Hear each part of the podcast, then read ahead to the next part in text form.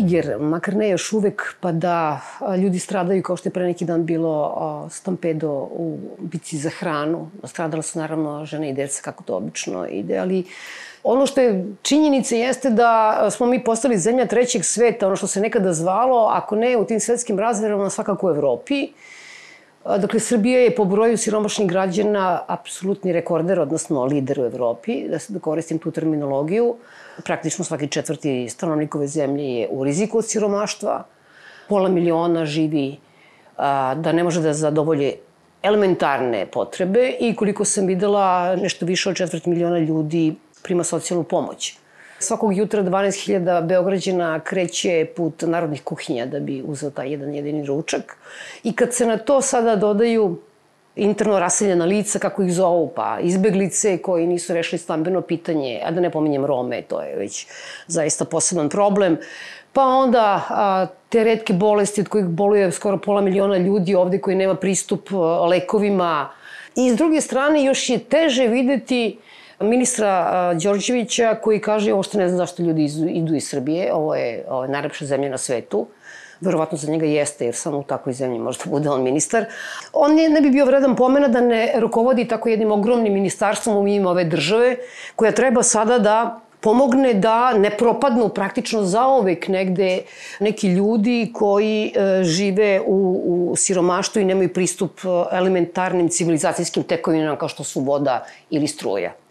Da li mi možete reći šta se desilo poslednjih godina kada je u pitanju ova velika oblast? Da li se krećemo nabolje ili nagore i u čemu je to nabolje, u čemu je nagore? Pa nama se čini da se krećemo zapravo nagore i to je već dosta dugo. U suštini a, Srbija nekako od 2012. Naj, u punom zamahu od 2014. u stvari uvodi mere štednje ima cilja to, da smanji budžetska izdvajanja za ono što su socijalne uloge države i onda u stvari propisuje različite kriterijume ili jednostavno menja dosadašnju praksu vezano za sistem socijalne zaštite i to se vidi na, bukvalno svaki dan mi vidimo kroz rad sa ljudima čije zapravo interese zastupamo i to je u stvari jedan trend koji je e, čini se bez prestanka još uvek u stvari, dakle od 2014. u punom zamahu, evo šesta godina, i onda te zapravo izmene propisa koje se planiraju i nacrti strategija i ne znam izmene, to izmene izmene smo bukvalno imali. I čak i najavu ministra Đorđevića da će doneti u jesenjem zasedanju 15 novih zakona koji se evo nije desilo srećom, čini mi se, u stvari ne pokazuje ništa drugo nego da se luta u celom tom sistemu i da jednostavno ministarstvo nema nikakvu ideju u kom bi pravcu to trebalo da ide. Odnosno, ideja jeste ono što je suprotno interesima najsiromašnijih. Meni sa strane kad gledam i naravno površno to pratim imam utisak kao da je otprilike predsednik taj države ili šta li je rekao mora da se štedi i jeste zaista Srbija je bila u veoma lošoj ekonomskoj situaciji i tako dalje. Mora da se štedi i sada svako u svom resoru se dokazuje koliko je uštedeo. Znači, Jasno je potpuno da siromašne zemlje ne mogu da izdvajaju mnogo, međutim, e, pitanje je procenta. Koliko Srbija izdvaja za ove potrebe, jer to nam govori o stvari o intencijama države. Tako je.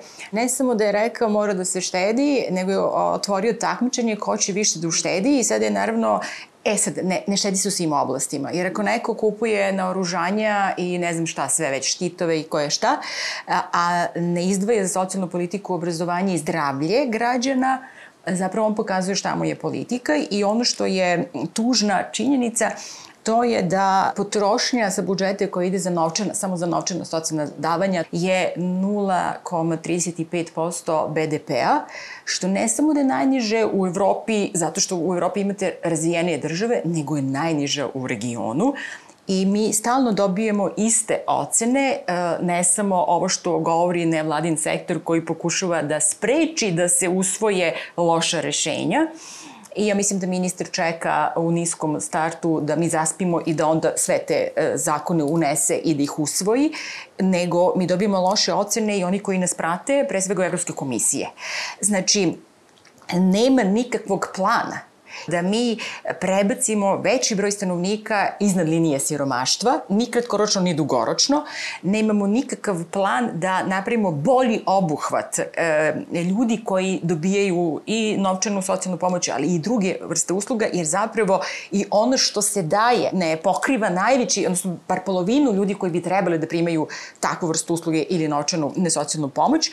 mi ne možemo da otvorimo poglavlje broj 19, koja se tiče sfere rada i zapošljavanja u pregovorima sa Evropskom unijom već pet godina. Ja sam gledala da smo mi recimo 2019. godine čitali i komentarisali e, četiri zakona i pet strategija iz, koje su došli iz ovog ministarstva. Na sve smo imali komentari i pokušali da ih zaustavimo. Ova strategija je potpuno besmislena i sad ću reći samo to jedno zašto bi ona besmislena. Dakle, ne morate pročitati ništa od uh, mera, ali pre svega od vizije, u kojoj je vizija, dakle, Srbija država socijalnog blagostanja. I vi odmah kažete, pa to nije slika ove države. Mi svi vidimo da to nije slika ove države, ova država ide u pogrešnom pravcu kada je u pitanju zakon i politike, zato što niti vidi, niti brine o siromašnima, Znači, kad dođete na kraj te strategije, dakle, šta god da piše, koja stalno kaže, bit će ši, širi se i razvija se i usluge, i van institucionalna podrška i tako dalje, na kraju dođete pogledanje financije i kaže, neće biti potrebna dodatna finansijska sredstva za sve ovo. Znači, ne morate imati dan škole, Da. Ne morate uopšte budete ni ekonomista, ni pravnik, možete budete ministar. ni ministar, da kažete pa ne može. Ne možete ništa širiti i razvijati, a bez novca. Mora da postoji taj novac koji, naravno, neće pasti sa neba, nego će biti drugačije preraspodeljen.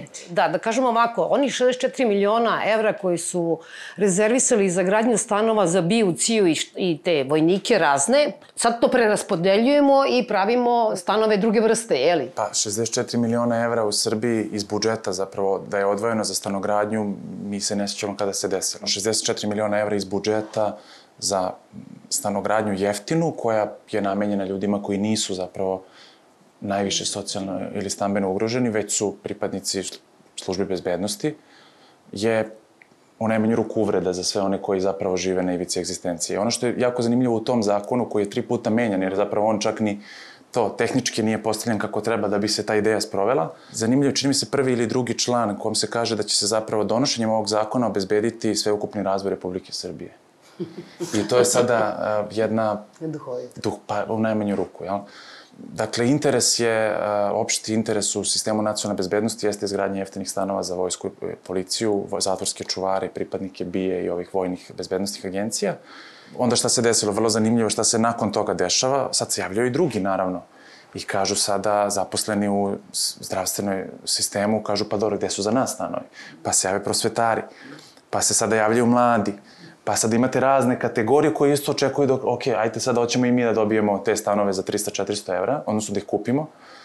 I u stvari to je sada jedna vrlo zanimljiva situacija u kojoj država s jedne strane otvoreno može da se kaže korumpira određene slojeve koji su zaposleni u sistemu službi bezbednosti, ali s druge strane daje neku vrstu nade ovima drugima da će i oni doći u tu situaciju. Tu lepo se trguje u stvari. Nemojte puno da talasamo, ajde da mi dogovorimo sa našim resornim ministarstvom da i sad mi sledeće godine uđemo u projekat.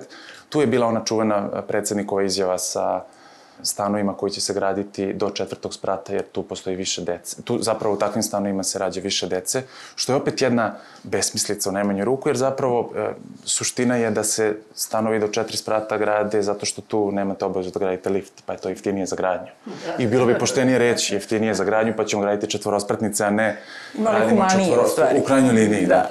Vi, iako imate ograničene resurse, to je apsolutno neminovno, svaka država ima ograničene resurse za socijalna davanja, vi to što imate zapravo rasipate na potrebe onih koji nisu uh, socijalno najugroženi ili na, u ovoj situaciji stambeno najugroženi. Dakle, jednostavno, uh, čak ni da ne ulazimo u pitanja ovih drugih uh, izdvajanja iz budžeta za to jačanje sistema odbrane, zgradnje nacionalnog stadiona, futbolskog.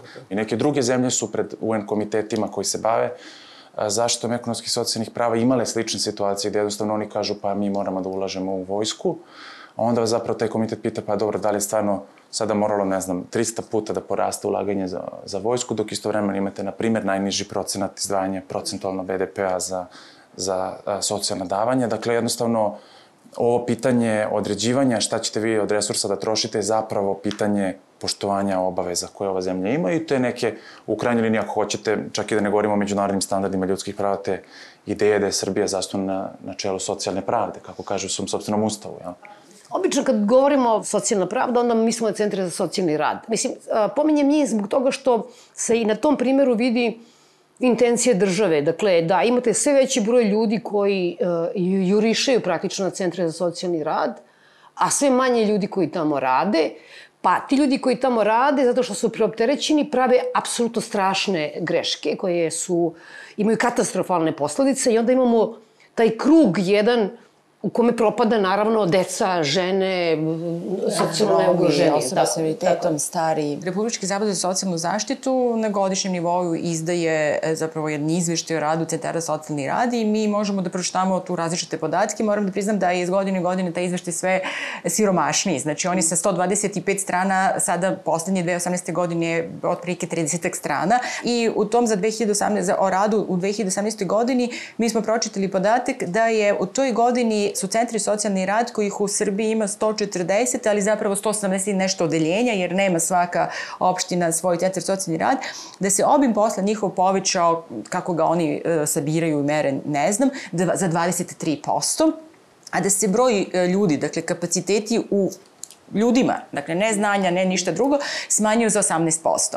Ja ne znam kako oni uopšte funkcionišu. Dakle, to nije naravno opravdanje za to što oni prave katastrofalne greške i što oni ne mogu da odgovore ni na, često ni na minimalne zahteve ili ne mogu da odgovore na potrebe svih svojih korisnika. Oni su, znači, kako ja zamišljam da se to dešava, na dnevnoj bazi u prilici da odlučuju šta rade, šta ne rade, šta je prioritet i šta čeka. Savet Evrope koji eksplicitno kaže vi morate da imate socijalne službe koje su u stanju da pruže podršku i pomoć žrtvama nasilja u porodici. A gde su svi drugi? Deca, stariji, smešteni ustanove socijalne zaštite na duži period, osobe sa invaliditetom, pa najrazličitijih invaliditeta, jeli, razvojnih teškoća, e, beskućnici, e, izbegli, raseljeni, migranti, azilanti. Dakle, okrona jedna ciljna grupa i oni ekstremno kažu centri nemaju kapacitete, nemaju ljudi, nemaju znanje. Pojavili su se neke izveštaji koji treba zapravo da budu analize stanja. I to je u redu, da bi se videlo zapravo kakvo je stanje, šta su potrebe. Ali su neki izveštaji se bavili pitanjima a, procene organizacijonih funkcionalnih kapaciteta i kompatibilnosti sa profesionalnim kompetencijama zaposlenih. I pošto sam ja psihološkinja u obrazovanju, ja sam pogledala i ovdje vidim testiranje inteligencije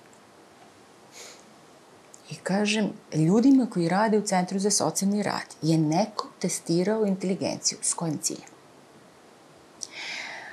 Da bi dobio ono što znate da ćete dobiti kad god nešto testira inteligenciju, da je ono u rasponu od 91 do 121, ali što ništa ne govori o tome kako oni rade taj Šta, posao. Ko je ispod 90, onda gubi posao, mislim. Ne znam. Je li neko odbio to?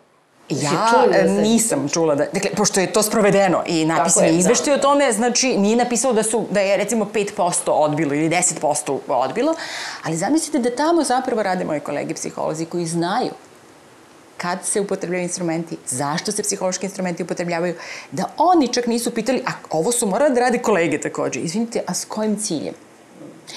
Dakle, da niko nije odbio, znači, koji su sve nivoji zastrašivanja ili ponižavanja? Ucenjivanja. Da. Ucenjivanja, šta god hoćete, ja ne znam. Možda i nije toliko strašno uh, prošavati test inteligencije. Možda nije toliko strašno koliko meni deluje da je ovo strašno, ali to govori znači ka, šta zapravo onaj ko upravlja jel, tim sistemom misli o pružavcima u javnom sistemu, zamislite šta tek misli o pružavcima izvan javnog sistema, a zamislite šta misli o korisnicima tih usluga.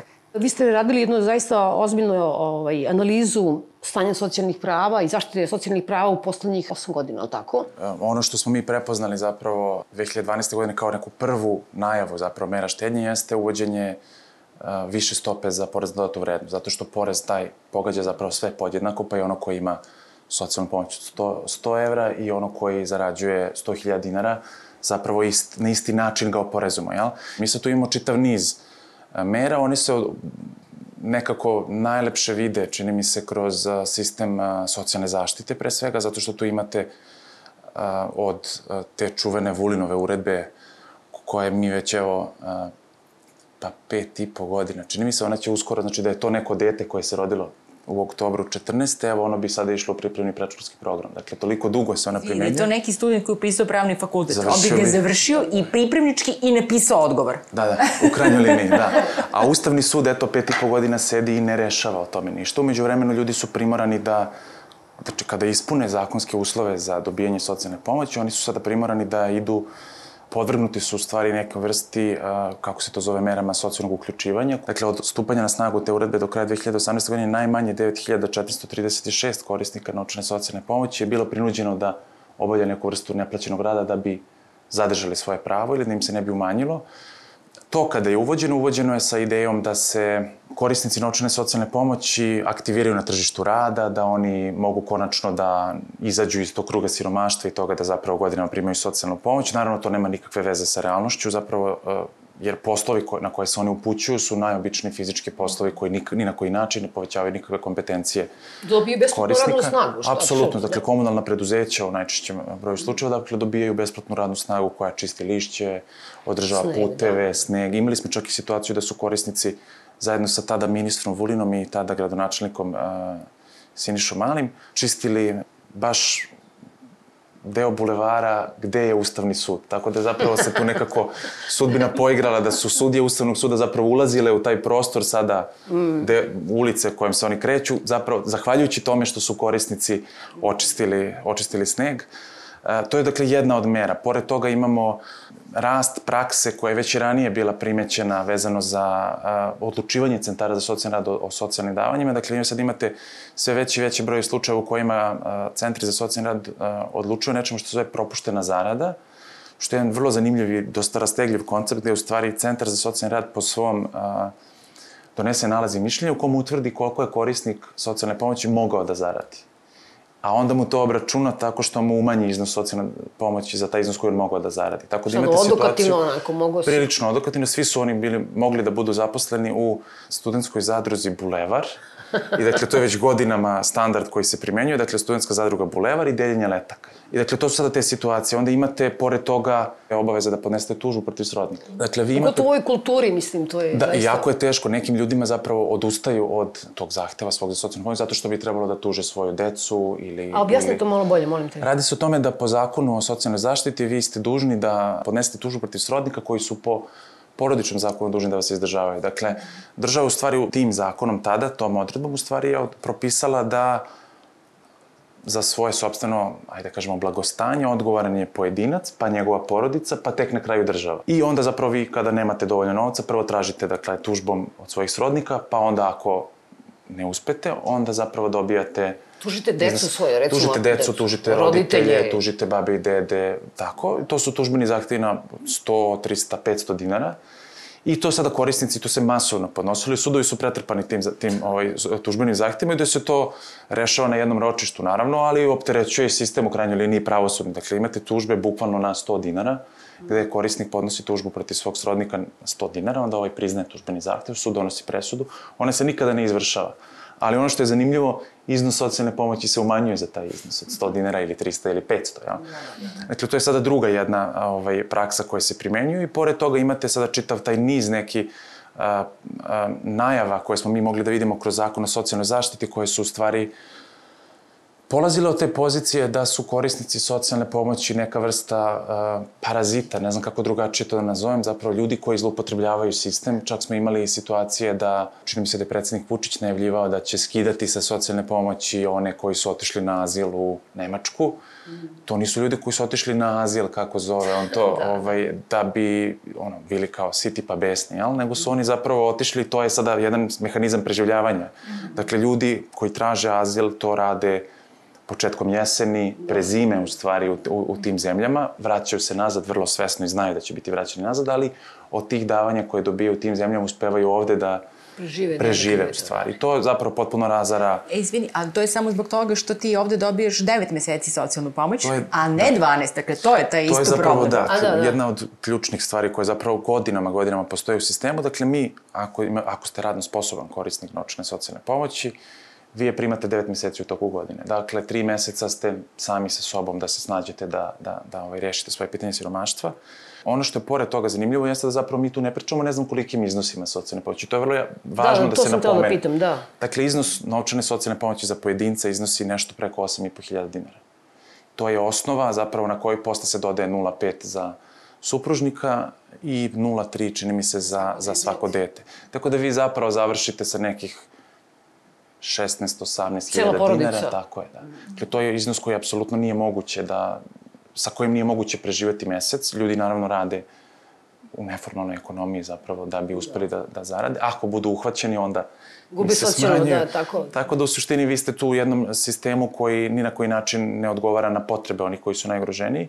I sad ono što je posebno recimo zanimljivo, meni je to bilo, sad me podsjetilo zapravo ovo vaše sa, iz uvoda da 12.000 ljudi ide na, na, u narodne kuhinje. Vi imate sada recimo, pored toga, jednu zanimljivu situaciju da vi da biste dobili narodnu kuhinju, vi morate da budete korisnik naučne socijalne pomoći. Dakle, ako ne možete da se kvalifikujete za naučnu socijalnu pomoć zbog toga što nemate dokumenta, ne znate proceduru, ne znate jezik, nemate prebivalište, kako god, vi nećete imati pravo ni na taj jedan obrok koji bi mogao zapravo da vas spasi od toga da, da bukvalno umrete od gladi. Dakle, sistem je potpuno nakaradno postavljen i on dugo tako funkcioniše, nikakvim izmenama se nije pristupalo dugo i onda zapravo imamo sad ovaj novi jedan trend kroz, e, pre svega od kad se e, Vulin je to uveo, onda ministar Đorđević nekako nastavio sa tom idejom da u stvari sada će oni da reformišu taj sistem tako da se spreče zloupotrebe. Pa sad zapravo dominantan narativ jeste da u stvari će se zakonom o socijalnoj karti recimo sprečiti da korisnici novčane socijalne pomoći dolaze audijem po svoju socijalnu pomoć, što je izgovorila a, predsednica. tako je. Da, da.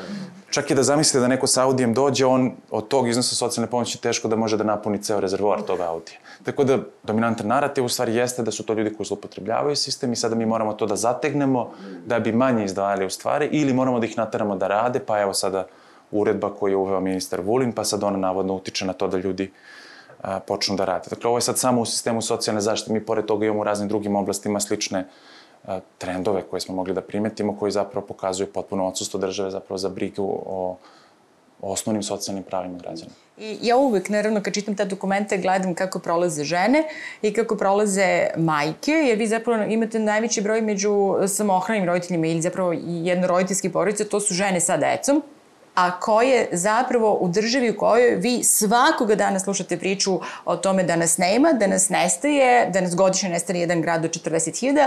Meni su uvek zanimljive te priče o fleksibilizaciji e, radnih odnosa, što se najčešće odnosi na žene, znači one će raditi privremeno, povremeno, skraćeno i tako dalje a to će smanjiti pritisak na jasle i vrtiće i onda kažete stani, stani. Dakle, e, da li to nama država kaže?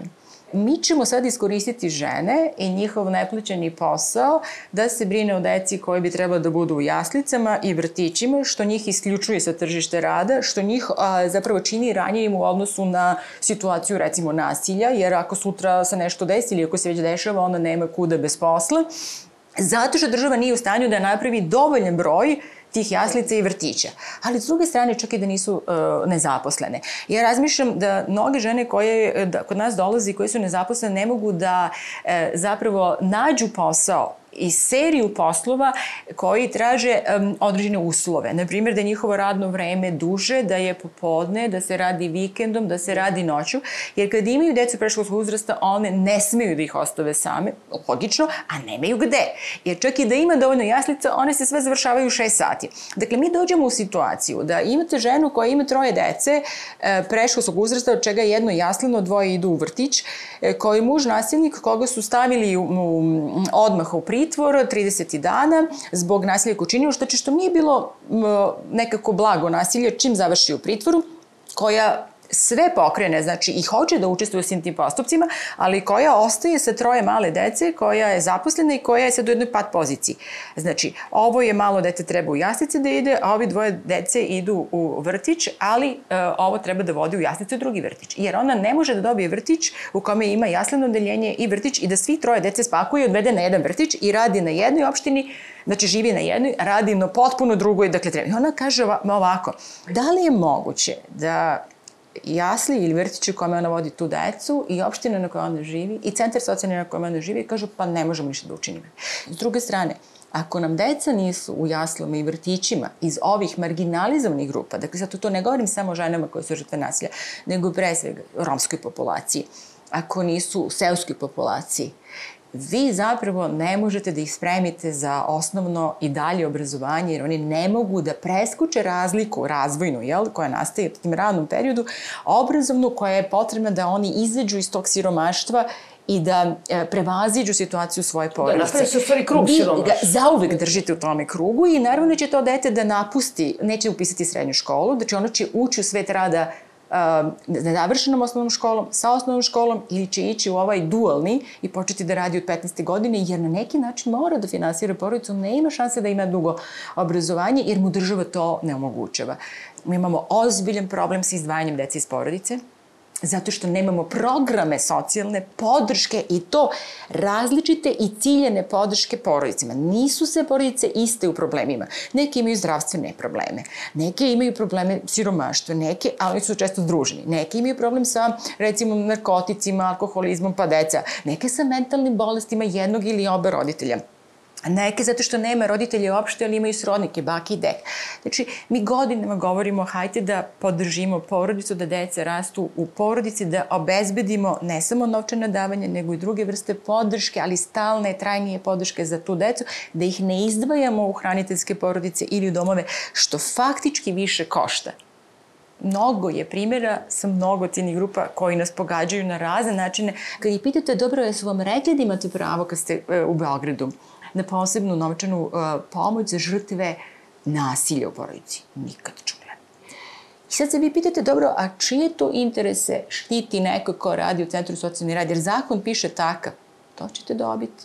Kao da ima onda neko, ja prepostavljam da neko što usmeno, što pismeno kaže, uh, smanjite te poruke se stalno šalju. Ljudi, to ne mora niko više da im kaže. Niko više sudijama ne mora da kaže tužiocima, pazite šta radite, oni sami vi znaju da šta, šta. Danilo, ako nema nešto preče što bi dodao, ja sam trebala u stvari da nastavimo da razgovaramo na temu nekih drugih grupacija, tako da kažem, naših sugrađana ili stanovnika koji imaju druge vrste probleme kao što je problem stanovanja ili taj pristup zdravstvenoj zaštiti? Apsolutno. Pa ono što je sada zanimljivo vezano za zdravstvenu zaštitu, to se odnosi na sve građane. Čini mi se da je Skupština tada, zapravo da je opozicija izašla iz Skupštine i to je glavna tema bio bojkota, ne šta prolazi u tom trenutku kroz Skupštinu.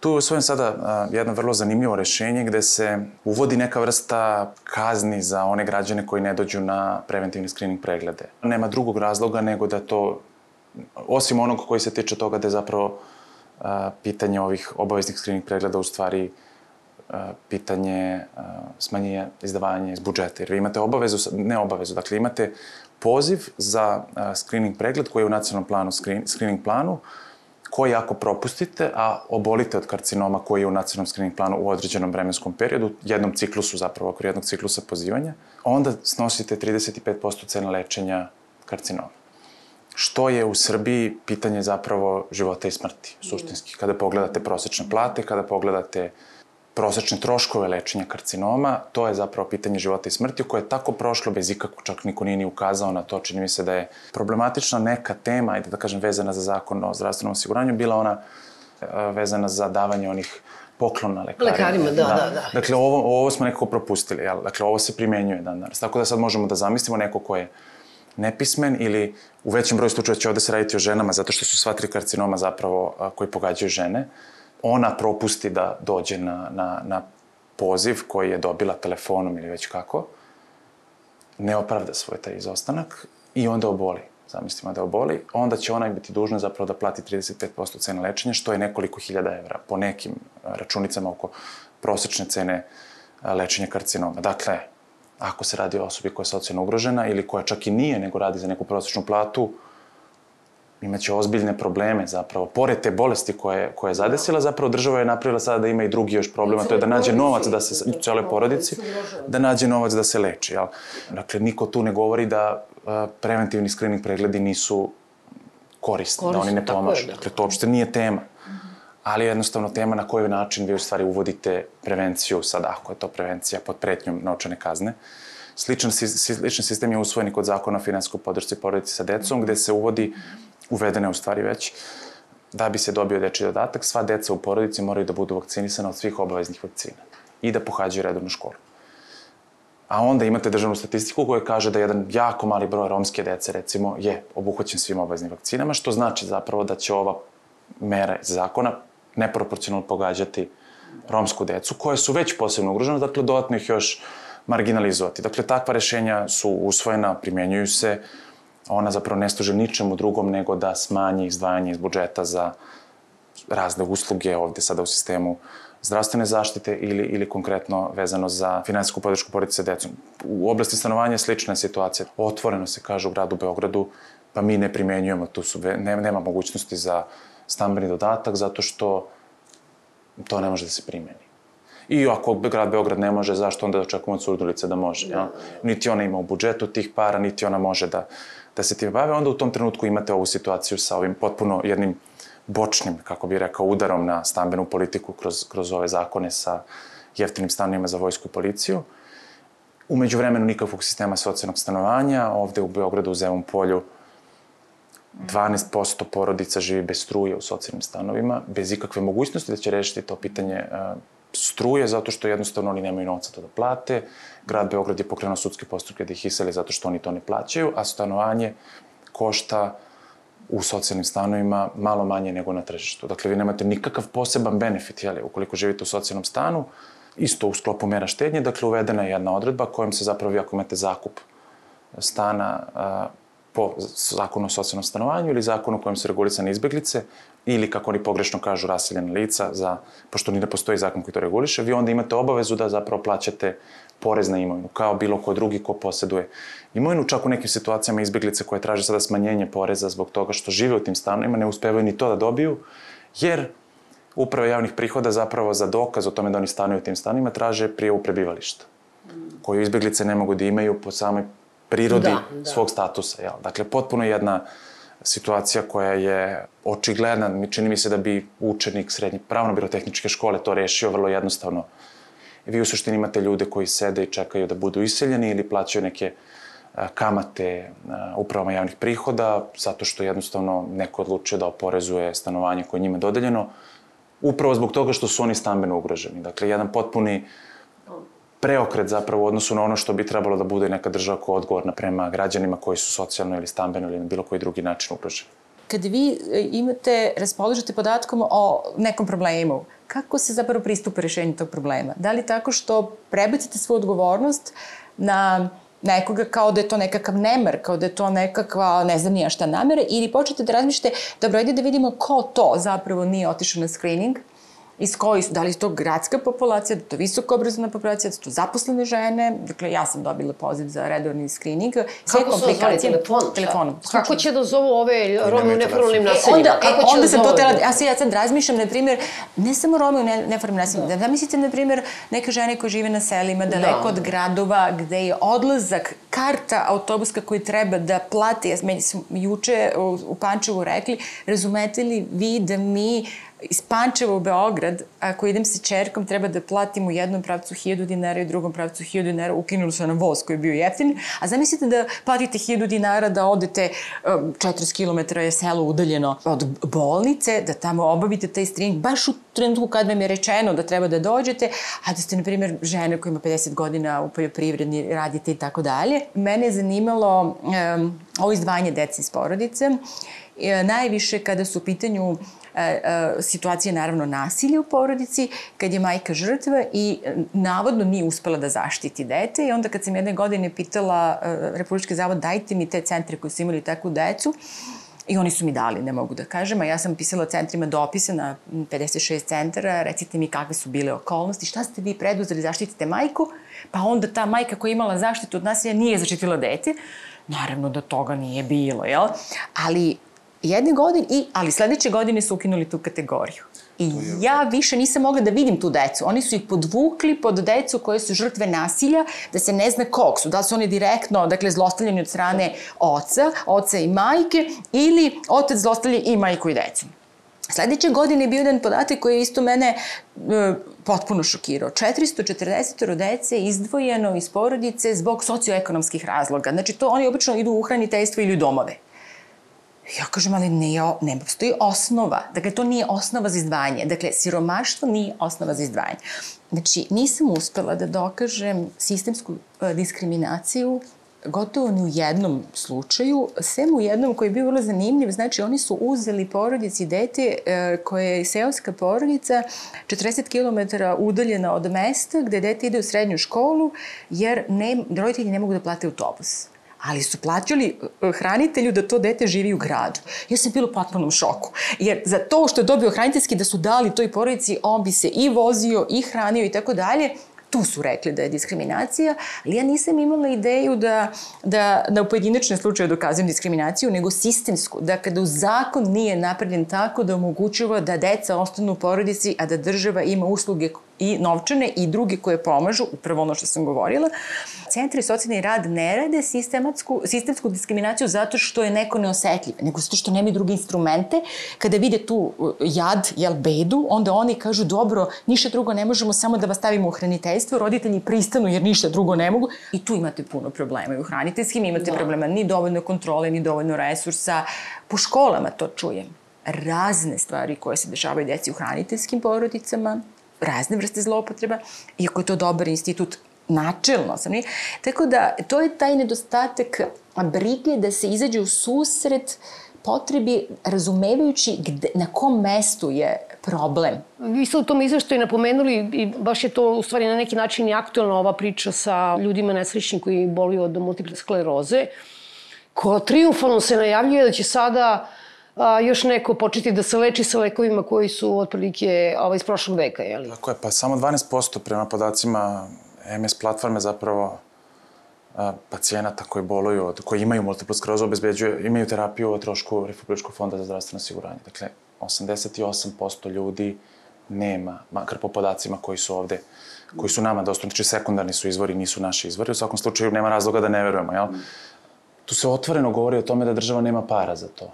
Dakle, mi nemamo para da vas lečimo od uh, multiple skleroze zato što su to skupi lekovi. A ima 9000 koliko se videla. Pa to prvo nisu, nisu ne znam koliki brojevi Naravno, ljudi. Da. Druga stvar je zapravo da ti ne možete da kažete ja nemam para za to, a dok istovremeno radite ovo o čemu smo pričali na početku. Yes. Dakle, kupujete pancire, kupujete, pravite futbalske stadione i slično, jer taj futbalski stadion i taj pancir vrlo je upitno da li je neki prioritet u ovoj zemlji ako pogledate zapravo opšte stanje u društvu, prosečnu platu, mantra jeli, koja se ponavlja ne samo sa ovom vla, vladom da, i sa prethodnima, dakle investicije će rešiti sve probleme. Dakle. Mm. I sada vi kad pričate o socijalnim pravima, oni kažu pa evo nam su skočile investicije.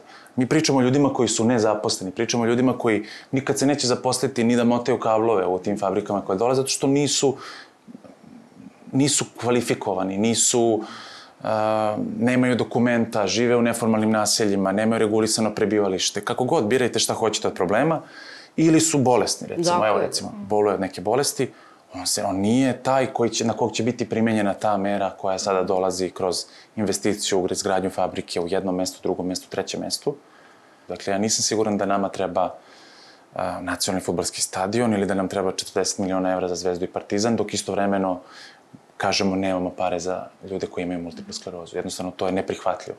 I to što mi uspemo da pomerimo u nekim pojedinačnim slučajima, to je jedna pa kap u moru, možete tako nazvati zapravo, da vi nešto ste pomerili jednom pojedincu, ali sistem je vrlo stabilan na toj svojoj poziciji, nećemo dozvoliti. Sistem je u stvari takav da ono što smo imali sa Draganom Markovićem Palmom, sa ono 2000 za gospođu, 3000 za gospodina, gde se cela Srbija smeje na YouTube-u tome i dolaze televizijske kamere da snimaju, to je zapravo sistem koji Srbija hoće da izgradi. To je sistem u kojem vi sedite, svoje dostojanstvo ste ovako podastrali pred nekog lokalnog šerifa koji kaže, evo za gospođu 2000 nek se sin javi, 3000 za ovog i on zapravo svoje milostinju zapravo daje vama, umesto da ste vi neki, umesto onoga što je zapravo, bi trebalo da bude vaša pozicija u tom sistemu, vi ste građanin koji se nalazi u stanju socijalne potrebe, kom sada taj sistem u kom on živi zapravo treba da pruži mogućnosti da on može da izađe iz tog svog stanja i da zapravo nastavi normalno da živi.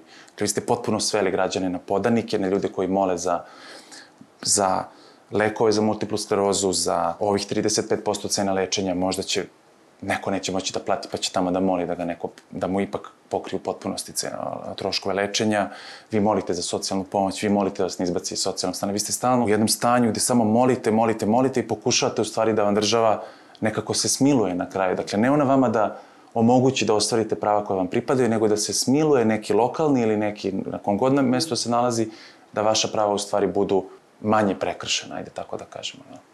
Ono kada pogledate šta su plate u Srbiji prosečne i zapravo šta je medijana u Srbiji plate, vi u stvari vidite smo mi svi na korak ili pola koraka od ovog stanja o kom pričamo, da se obratimo nekome za rešavanje neke elementarne životne situacije. U tom smislu nije ovo pitanje samo onih koji su najugroženi, jeste pre svega trenutno u ovom, u ovom trenutku, ali zapravo je važno da znamo da je to pitanje svih nas, čak ni bez one te solidarnosti koje zapravo ni nema u društvu.